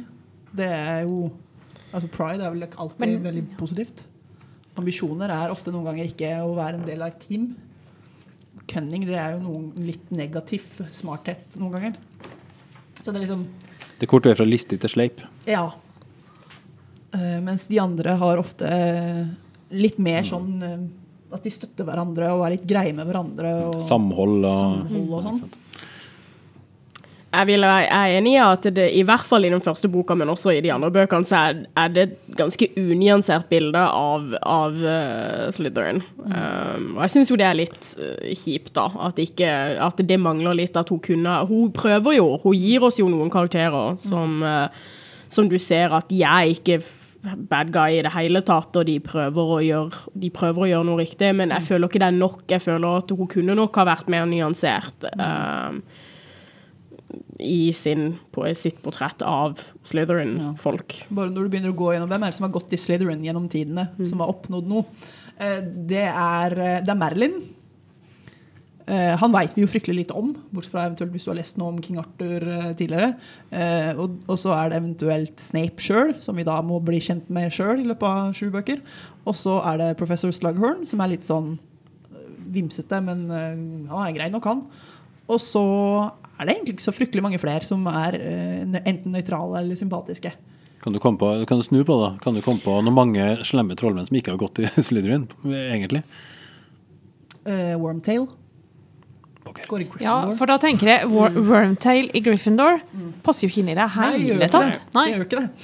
Nei, han skulle kanskje gått i han skulle Slytherin. gått i Slytherin. Ja, at, Men, for men der har du litt av problemet. Da, at du, det blir så karikert at det, det er ikke plass til, til slemminga i det snille huset, og det er ikke plass til snillinga i det slemme huset. Ja. Og ironisk nok, dette står da i uh, muligens på Pottermore, men også i Hufflepuff-versjonen av 20-årsutgaven av den første boka, at uh, det eneste huset på Hogwarts som har produsert uh, så godt som ingen, eller i hvert fall færrest, bad guys, det er Hufflepuff. Det er litt interessant. At det de har til felles, er at de er veldig glad i hverandre. Og de er som teammates. Og eh, det er ikke plass til ondskap her.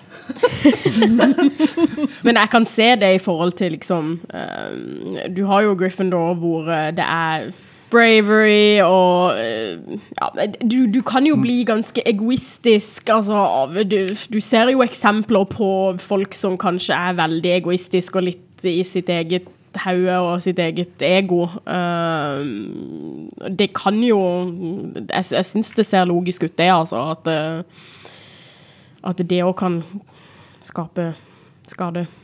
Det, det er vel kanskje arrogant jeg tenker mest på. Du, du har jo noen Gryffindors som kan bli sett på som arrogante. ikke sant? Og det Cormac McLaggen, for eksempel. mm. og Remilda Vane, som er veldig sånn Tenker ikke på noe annet enn seg sjøl. Altså, så du har jo eh, Du har jo folk som på en måte ikke er det ideelle Gryffindor-studentene.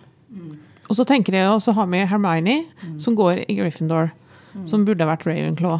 Men det blir også nevnt faktisk i boka, hvis du leser det den det, første boka. ja. Ja, jeg har lest den. Lest den ja, senest i går. Husker du ikke dette?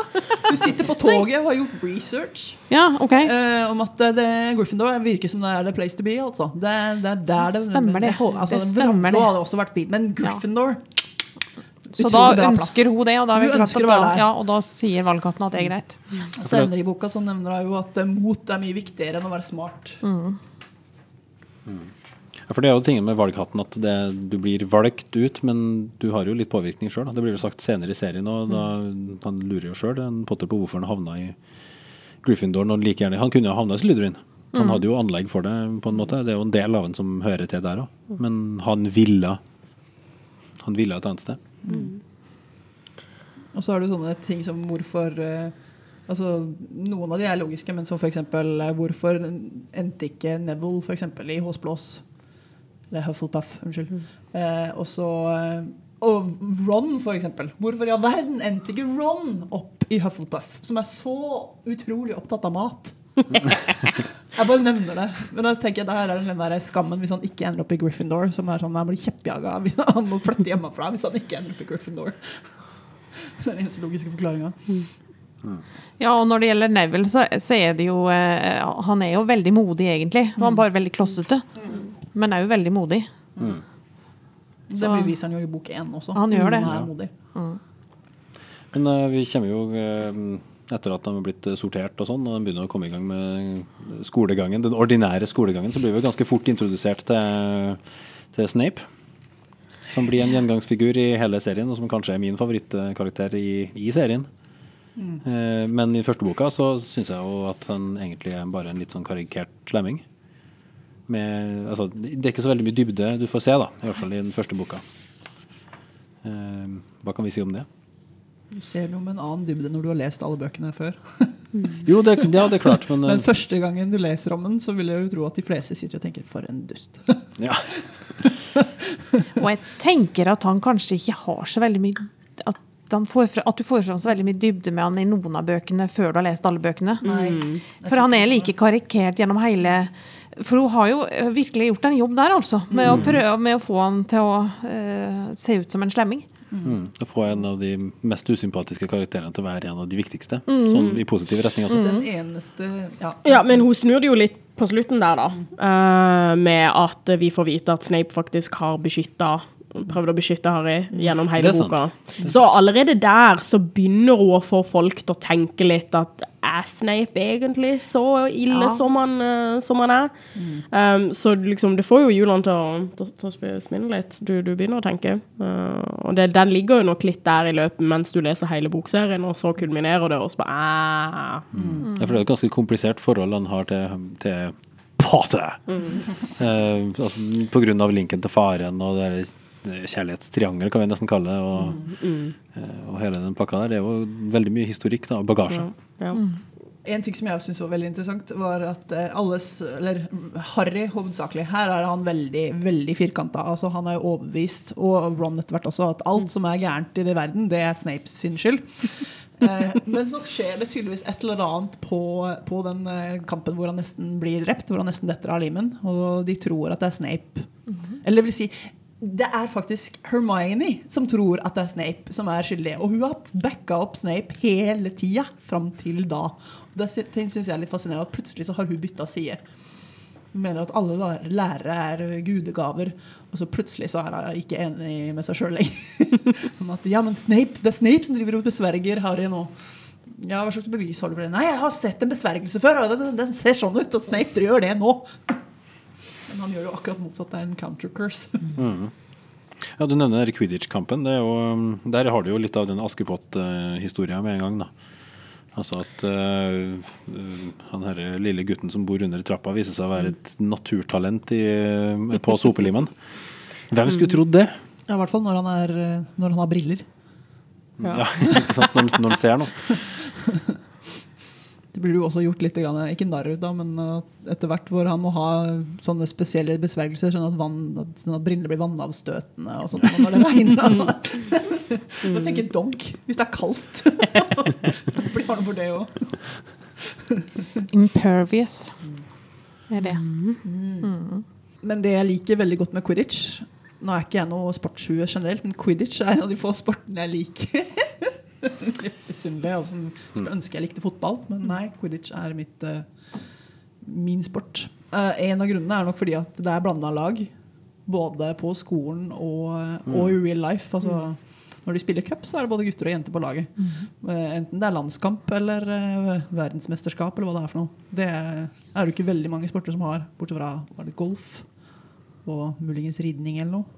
Det er litt kult, syns jeg. Jeg syns òg det er veldig kult. Um, jeg syns det, syns det er bra. Jeg syns flere sporter burde være sånn. Tennis. Mixed double. Det tror jeg det er mm, to og to menn og kvinner. Er det ikke det? Mulig jeg tar feil, men uh, mener å huske det. Tror det er noe i strandvolleyball også. At de har blanda men, uh, men ja, det er sjelden. Jeg syns jo det er litt gøy i, i boka, da. Du har jo liksom når eh, keeperen og kapteinen skal ha en liten sånn tale før første kampen. er, OK, gutter. Og jenter. Og jenter. Sorry. Men det er jo en, det er en ganske sånn eh, brå eh, heltestatus han får, da. Altså, han går fra å være eh, altså, Du skal jo ikke egentlig kunne spille på Quidditch-laget når du går første året. Og så blir han liksom, får han komme inn bak døra og si han, han, her- han her må vi ha. Og så vinner første kamp og blir den store helten. Og, ikke sant? Det, det, det er veldig, veldig brått. Jeg syns det er så morsomt med det at professor McGonagall er så den Quidditch-fan at hun bare Han er awesome! Vi må bare ha han på laget! Jeg skal ikke tape til Snape lenger! Jeg Nei. orker ikke å se Snape i fjeset lenger. Jeg orker ikke dette lenger. Vær snill og Vi, redd meg den bryter, ja, vi bryter reglene bitte lite grann, for det Og så hun som er sånn liksom, hun som er såpass streng. Det er veldig morsomt, syns jeg. Og så den scenen i seg sjøl, bare når liksom, hun, han tror han skal bli utvist Mm. fra skolen. Han skal pakke sakene sine. Hun bare Hæ? Nei, nei, vi skal, være på, vi skal få deg med på laget! Du skal bli, du skal bli vårt hemmelige våpen. Mm. Kom her. Um, er det på tide å snakke om det her berømmelige speilet? Det er jo gjemt vekk, men det er jo ikke gjemt vekk. Altså, alle kan jo, det virker jo som alle sniker seg rundt på denne skolen på et eller annet tidspunkt og ser hva, hva fins her, og hva spennende. Så kommer man altså over det speilet. Hva, hva er det med det speilet? Det viser ditt hjertets innerste, dypeste drøm. Det du mest av alt ønsker, liksom. For det er jo en av de scenene som er mest rørende i hele boka, egentlig, når, eh, når han eh, Potter sjøl går og ser i det speilet, og, så, og ser familien sin, liksom. Det er, det er ganske dyptgripende saker. Og så er er det jo også fascinerende at han da blir advart mot å sitte der natt etter natt og se på familien sin, fordi at virkeligheten forsvinner mens han gjør det. Du går til Og- grunne, på en måte. Ja. Og, og, og det står jo at han har ikke noe interesse lenger for uh, å leite etter den skatten. Det er vel det det er det, det, er vel det det står. Ja. Fordi at han, han blir så fylt opp av uh, tankene om det speilet. Han har bare lyst til å være der hele tida, liksom. Han skjønner jo det, da. Han har jo hatt null informasjon fra eh, sin tante og onkel om sine foreldre, bortsett fra at de døde i et bilkrasj. Eh, så når han først når han endelig får se dem bare det visuelle, ikke sant, det og, og, og de på en måte liksom legger hånda på skuldrene hans, og liksom de smiler, og jeg skjønner den lengselen, altså. Eh, at man ikke vil gi slipp på det. Det sies vel også i boka det at han, eh, han går jo ned dit eh, Det er vel når, eh, når Humlesnurr sitter der og venter på han, at han, han går dit med intensjonen om at nå skal han tilbringe natta der, liksom. Altså, sitte og, sitte og se inn i speilet hele natta. Det, det er vel da Dumbledore sier en av de mest siterte tinga fra alle Harry Potter-bøkene, at det er viktig å leve Eller altså ikke leve i drømmer og glemme å leve. For Det, det er det folk har en tendens til å gjøre foran det speilet. At de lever i en verden som ikke eksisterer lenger. Og så visner de vekk. Men det jeg syns er litt fascinerende, er at i, i filmen så har de jo valgt å bare vise foreldrene, mens i speilet så har du hele familien hans. Og det er da jeg sitter og lurer på hvor er de? Hva skjedde med de? Hva skjedde med de? Det nevnes ikke et ord om. så vidt Det jeg har du helt rett i. Eh, han, du, han ser onkler og tanter og noen som må være han. besteforeldre. Og sånn. Hvor var de hen? Hvor ble de av? Hvorfor kunne han ikke være hos de? Hvorfor måtte han være hos dumlingene? Du har liksom unge, unge og gamle og alt mulig rart i den miksen. Det, er liksom, det ser ut som det er hele slektstreet. Liksom Potter og Ev er, er Muligens ikke F- Evans-familien, mor- familien til Lily, men i hvert fall Potter-familien. Eh, så det, liksom, det burde jo være minst én eller to igjen, som man kunne for eksempel fått oppdatert eh, eller slektstreet sitt fra. Men den avgjørelsen om å la han vokse opp uh, hos uh, tante og onkel, er det jo Dumbledore som bestemmer, så vidt jeg forstår. Så det kan jo hende at han vet om at han har annen slekt, som vi aldri får innblikk i. Det er merkelig, du har, du har rett i det. altså. Men det var jo eh, litt fordi at han er så berømt. Ja, det var det som var bakgrunnen. ikke sant? Ja. Han, han må vokse opp At og ikke må- vite at alle vet hvem han er. Men det hadde jo da vært logisk når han da blir introdusert for det magiske universet igjen. At, eh, At han traff det igjen. eksempel- Nå kan du f.eks. tilbringe påska sammen med slektninger. Mm. Eller nå kan det være jula sammen med en tante og onkel. eh, Her er det et søs søskenbarn eller Ja, tremenning. eller tremenninger. Nei, men jeg vil jo tro at det Altså, ut ifra det du ser videre i, eh, i bokserien om at han må reise hjem til uh, tante og onkelen for å på en måte å opprettholde denne beskyttelsen, så er de faktisk de eneste levende. Det er meninga, men det er ikke sant, det er litt sånn der plotthull. Ja. Hvor hun ikke har tenkt, kanskje liksom tenkt uh, Men det er nok meninga at liksom alle på Potter-sida skal dessverre være døde. Ja, da sitter jo også og lurer på hvor er foreldrene til Lilly og eh, Petunia. Er de også Men de, døde? er, ja, de tenker er døde, for at de er jo vanlige mennesker. Ja, ja, men de er jo ikke så gamle nødvendigvis. Nei, nei. De er kanskje sånn 70-80 eller sånn. Så Ja. Levealderen nå er jo ganske høy, så det er litt, du kan liksom ikke bare anta noen at eh, Nei, men de er døde, selvfølgelig. Nei, det er ikke sikkert de er. Men du må jo anta det, siden de aldri nevnes.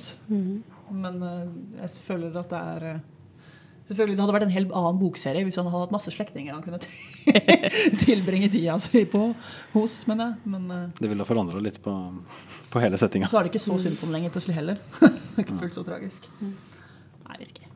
Det var litt eh, pussig, en litt artig detalj da, i denne første boka at eh, det dukker opp en nordmann.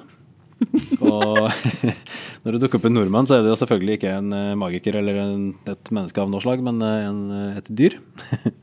som Hagrid har fått eh, ved flaks, tror han. Eh, tak i et egg, og ut fra det egget kommer det en liten drage. Norbert. Norbert. Og det er ikke så oversatt. Han heter Norge på norsk også. Veldig bra. Men det, altså den, den dragen, der er det noen forskjeller på bok og film, er det ikke?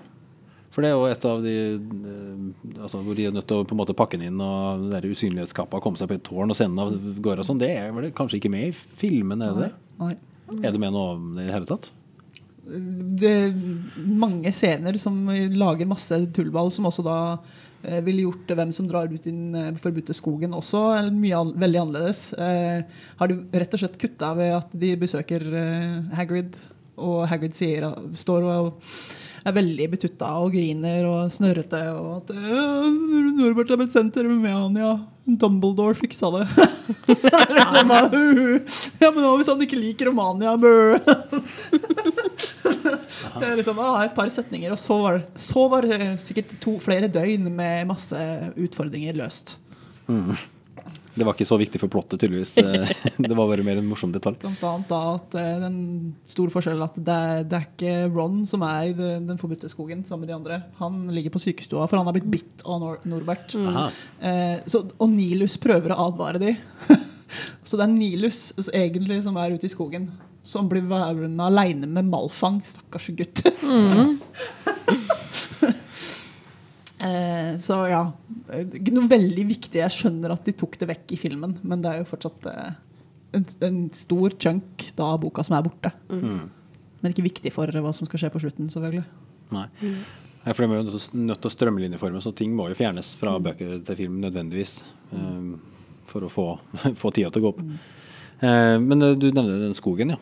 Den er jo litt fascinerende. Den forbudte skogen som de drar inn i konstant. tilsynelatende. I hvert fall eh, tvillingene Ja. er nok en del der. Kjempeforbudt. Og der er det jo masse fæle skapninger, og noen veldig snille, og noen veldig nøytrale, og, og noen veldig pene. Det er alt mulig i den skogen Alt mulig i den skogen. der. Altså, hvorfor er det forbudt? Det er ikke forbudt fordi det er farlig, for den blir jo sendt hit på, på gjensitting. Valley blir sendt med Hagrid, som har en armbrøst og Og er med seg en Ja, ja og så har han en Dette ser jeg med gåsehud, en stor og tøff hund. Fang er jo ikke egentlig veldig stor og tøff, da. Stakkar, han er litt pyst. Han heter Hogg på norsk. Jeg syns det er litt Um, så ja, nei, jeg tror nok du ble sendt inn uh, der med Hagrid som en på en måte som skulle passe på dem, da. Um, men ja, det er jo ikke Det er jo Skjønner ikke helt hvorfor de ble sendt inn der. Det, Ja, at det blir tillatt, liksom. Ja. Syns jo det er et bedre alternativ enn det Filch vil ha gjennomført. Som er liksom tortur. Og henge dem opp fra taket etter Ja, ja, i flere dager, ja. Sånn. Så jeg vil si at det er mer humant å bare sende inn i skogen sånn sett. Så det er i hvert fall en sjans, Det er for så vidt det er en sjanse for at de dør, da. Det vil jeg ikke si de hadde gjort fra torturen. Men eh, Ja, det ville vært en mer, en mer um, roaldalsk Dahlsk avstraffelsesmetode, egentlig. Det Kunne passa i Matilda, egentlig. Men jeg tenker jo er jo at det blir jo noe Roald Dahlsk over det der med den skogen òg, fordi at den er jo farlig. Alle vet at det er veldig farlig. Det er varulver der, og det er um, andre Og de svære edderkoppene som eh, da blir introdusert seinere, f.eks., som da ikke tar noe for å spise et menneske. Så det er jo mye farlig. Men allikevel så Livsfarlig, faktisk. Faktisk helt livsfarlig. Og allikevel, så hvis det er sånn at du har gjort noe gærent, så må du bare finne deg i å gå der. Det morsomme er vel at de nevner det vel helt i begynnelsen, når eh, de få gangene vi snakker med Percy eh, i Weasley, så, så nevner eh, Nevner han vel at ja, nei, det er ingen som Alle veit at skogen er farlig, så du behøver ikke å presisere engang at skogen er farlig. Du er bare dum hvis du går inn der. så da er det ditt problem. Kan man jo si hva man tror om uh, Weasley-tvillingene som går inn der stadig vekk. Men det er kanskje, det er kanskje der Percy har den tankegangen at folk må være dumme for å gå inn der. Småbrødrene mine går inn der hele tida, og de er i hvert fall ikke smarte. Eh, men vi har jo en, altså, den boka her har jo en eh, ganske sånn eh, voldsom avslutning. Det er jo De kommer seg forbi den ene farlige utfordringa etter den andre som står og venter på dem. Er ikke det litt Dungeons and Dragons, Det er, nesten? ja, det føles Litt litt sånn sånn. der, eh, Du åpner en dør, og der finner du et monster som du må bekjempe. Og du åpner en ny dør, og der finner du Du må spille med levende sjakkbrikker. Og, ikke sant? og det, Denne delen er utrolig gøy, syns jeg. den er jo veldig gøy, men det føles jo litt som et spill.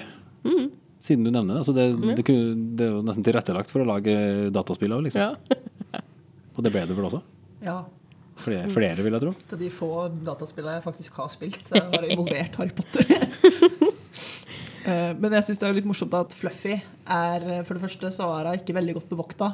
Hvis du bare er en Hermione som har lest, eh, lest bøkene ganske nøye, så er det ikke noe problem å få opp den døra som er låst. Og der er det et eh, vesen som kan drepe deg. altså det, det er ikke noe skilt eller noen ting om at nå er du den forbudte korridoren i den fløyen der som du ikke skal gå inn i. Plutselig så bare er det der. Hvis du kan litt magi, så kommer du deg inn der uten å tenke deg om. Så kan du nesten bli spist. Beware of dog. Beware of dog. Eh, og så ja, og så er det litt morsomt da at uh, bikkja er jo veldig eh, basert på gresk-romerske ser Cerberus. Mm. Kerberos på Kerberos. Eh, som, eh, som da er bikkja til Hades. Eh, han hadde opprinnelig 50 hoder, leste jeg nylig. Ikke bare tre. Men det var tydeligvis litt Wow. sånn komplisert å illustrere, muligens. Pluss at vi fikk poenget med tre hoder. Vi Behøver ikke 50. Et trehoda troll, igjen Og, og også en av måtene å, å beseire Kerberus Cerberus, kall det hva du vil. Ja. er det. eh, er harpespill, som eh, Orpheus eh, i Orpheus og Eurodike prøver seg på. Han klarer å komme seg, snike seg forbi eh, denne bikkja med Mm. å spille den i søvn. Noe de da også gjør i Harry Potter. Men i Harry Potter så er det tydeligvis eh, all slags musikk. Ja. Samme hva det er om det er fløyte eller om det, om det er godt eller dårlig. Kvaliteten har ingen betydning. Men det er bare den linken mellom bikkja og den harpa som allerede spill, har spilt eh, bikkja i søvn. I filmen, i hvert fall. Da må du ikke spille seg gjennom det engang. Harry må ikke spille noe fløyte i filmen. For Nei, det må han ikke, nei. harpa bare spiller av seg sjøl. Ja, stemmer det. Men de skaper jo litt action på slutten av film, eller i, i den scenen da på slutten av filmen. Fordi at når jeg leste boka, så forventa jeg at å, musikken skulle slutte, og f- hunden skulle For det skjer jo. At harpa plutselig slutter å spille, og de har ikke lagt merke til det. Og så må de, så må de liksom rømme ned i den sjakta. Men det skjer jo ikke i, i boka. Nei. Det er litt mindre dramatisk der. Men ja, akkurat den delen er kanskje litt sånn derre hm, Dette var veldig enkelt å komme seg forbi den bikkja. Du bør ikke være veldig flink til å spille fløyte for å komme seg forbi den. Hm, Du må bare vite at du skal gjøre det. Men det er tydeligvis clouet her. da Du må vite det. Hvis ikke du veit det, så Men er det, det er også en ting eh, du nevnte i forbindelse med det toget. Altså eh, går det ikke an å komme seg raskere til og fra osv. Uh, det nevnes vel at uh, det er vel bortreist. At han er dratt til London. Og Det høres ut som en sånn kjempelang reise. Det virker som han tilsynelatende har tatt tog. Sånn, å, nå er han kjempelangt unna. Eh, men i virkeligheten så vil han jo da være tilbake igjen, hvis han vil. Eh, men det- tilsynelatende så er han liksom langt, langt utafor rekkevidde til at de kan gi ham beskjed eller noen ting. Det er litt snodig. Ja, og det blir jo tatt opp eh, seinere, for at han bruker jo de der thestrals eh, til å ri på, blant annet. Og da tenker jeg, men hvorfor er det ikke bare Hvorfor bruker han ikke bare eh, apparating? Eh, for han bruker lite soplim. Men det, det kommer jo helt på Det er vel bok nummer seks, det der han forklarer en del om det, tror jeg. At han liker de der hestene. Ja, det er rett og slett preferanse. ikke sant? Ja, men jeg tenker hvis du Og, og så tenker jeg kanskje sånn at hvis du Han læreren som eh, Han Twill Cross, var det? Eh, Han, han er veldig sånn tynn og, utviska, fordi, eh, fordi at de, de tror at han har tatt litt for mye av det der, ja, rett og slett. Så har vi- han, han har mye. lagt, lagt igjen litt av seg sjøl rundt omkring. Ja, ja, så, så han er, han ja, Twycross heter han. Ja, At han er blitt veldig utviska i trekka og sånn. Så kanskje det er det å tenke på han der eh, Dumbledore, at det er derfor han eh, At han kan apparate hvis det virkelig haster menn. Jeg, jeg vet ikke. De sier vel Det er i filmen, da, så det her er sikkert litt juks, men de sier det vel i når han nesten blir fanga i bok fem, seks eh, Når de skal arrestere ham, at han, han stikker av gårde med Fawkes eller noe sånt. Ja, stemmer. Hvor, eh, åh, jeg husker aldri hva han heter. Eh, Shacklebolt. Shacklebolt sier at you, you can't deny this, but uh, Dumbledore travels in style. liksom, han han veit hva han gjør. Mm. Det er utrolig spektakulært. Så det kan hende han er litt om gammeldags i måten å få følt seg rundt på. Han sier vel også at han, han flyr uh, i bok én. At eh, han må ha passert en ugle som var på vei til han. på veien eller noe For at uh, plutselig så følte han at han måtte tilbake igjen dit Mm. han kom fra. Han kom ikke fram dit han skulle, han måtte dra tilbake igjen. Og så kan man jo også lure på Er det tilfeldig at han skulle dra akkurat den dagen?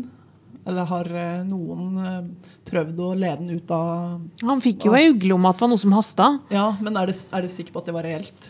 Altså at det, det kan være en decoy? Ja, jeg tenker at det var en decoy. Ja. Det tenker jeg. jeg tenkte ikke på noen som at virkelig ikke hasta, nei. Nei. Jeg tror det var noen, eh, altså han eh, mm. som antakeligvis da, som sendte, sendte en sånn decoy, sånn at han fikk han unna.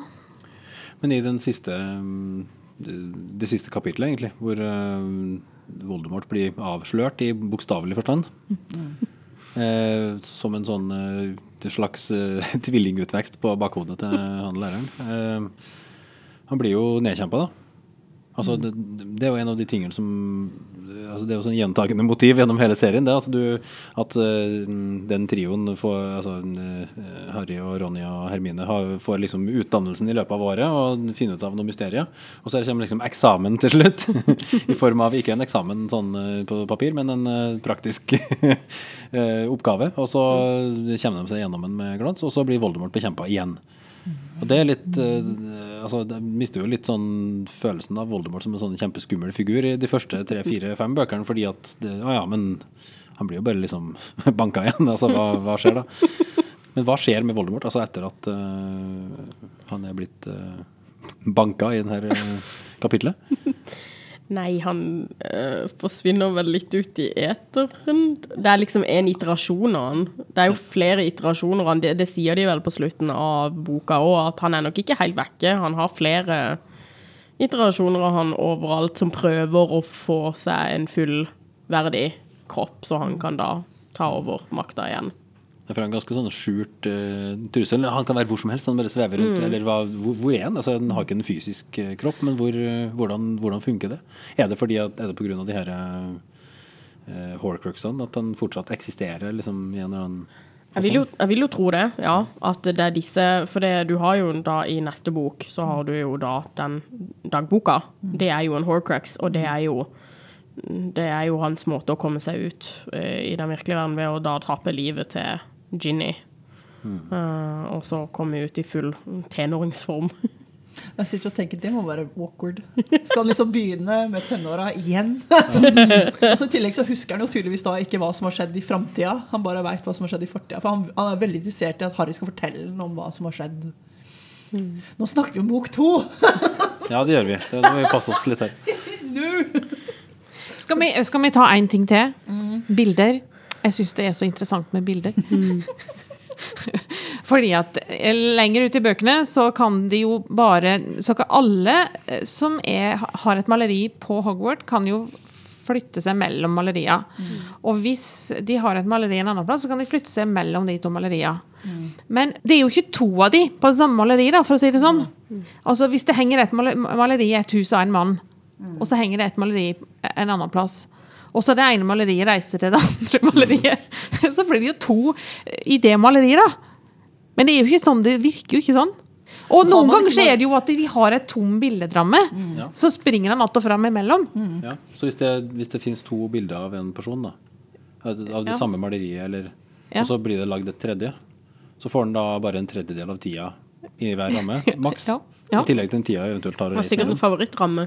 Ja, ikke sant. Mye finere utsikt herfra, ikke sant. Men det er jo et plottpoeng i boka om at eh, Hermine går ut og kjefter på Ronny og Harry, og så skal hun inn igjen i Gryffindor Common Room, og så har The Fat Lady gått og vandra til et annet bilde, så hun kan ikke komme seg inn.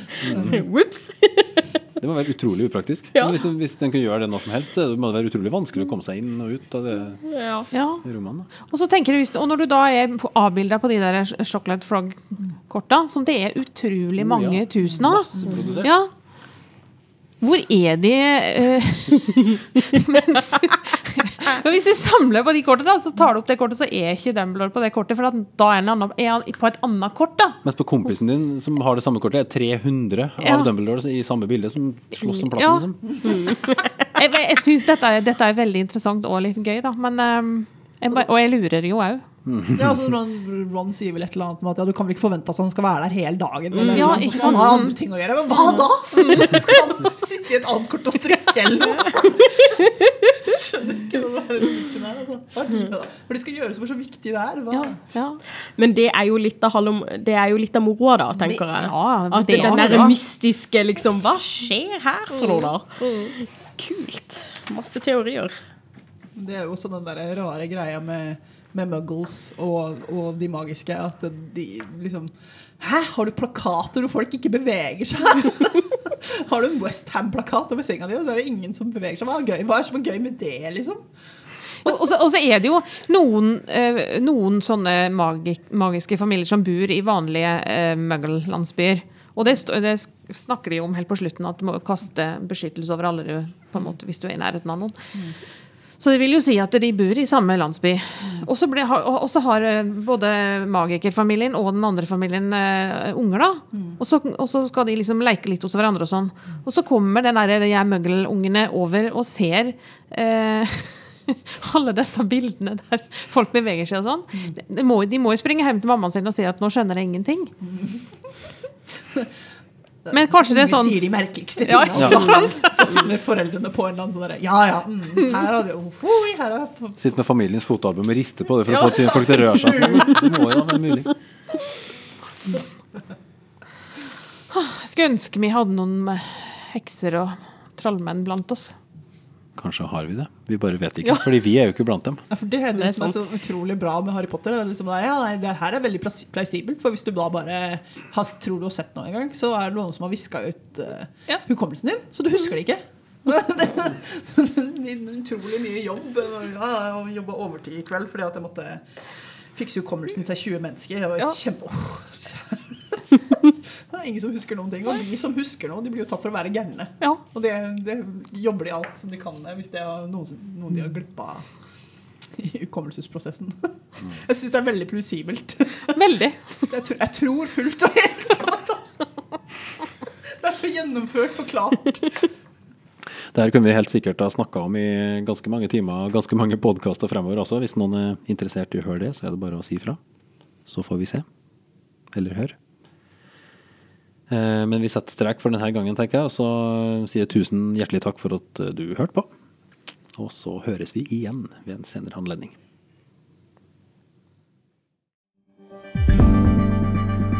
Flere podkaster fra oss finner du på Google Podkast, Apple Podkast eller iTunes, eller ved å stikke innom vår hjemmeside på krsbib.no.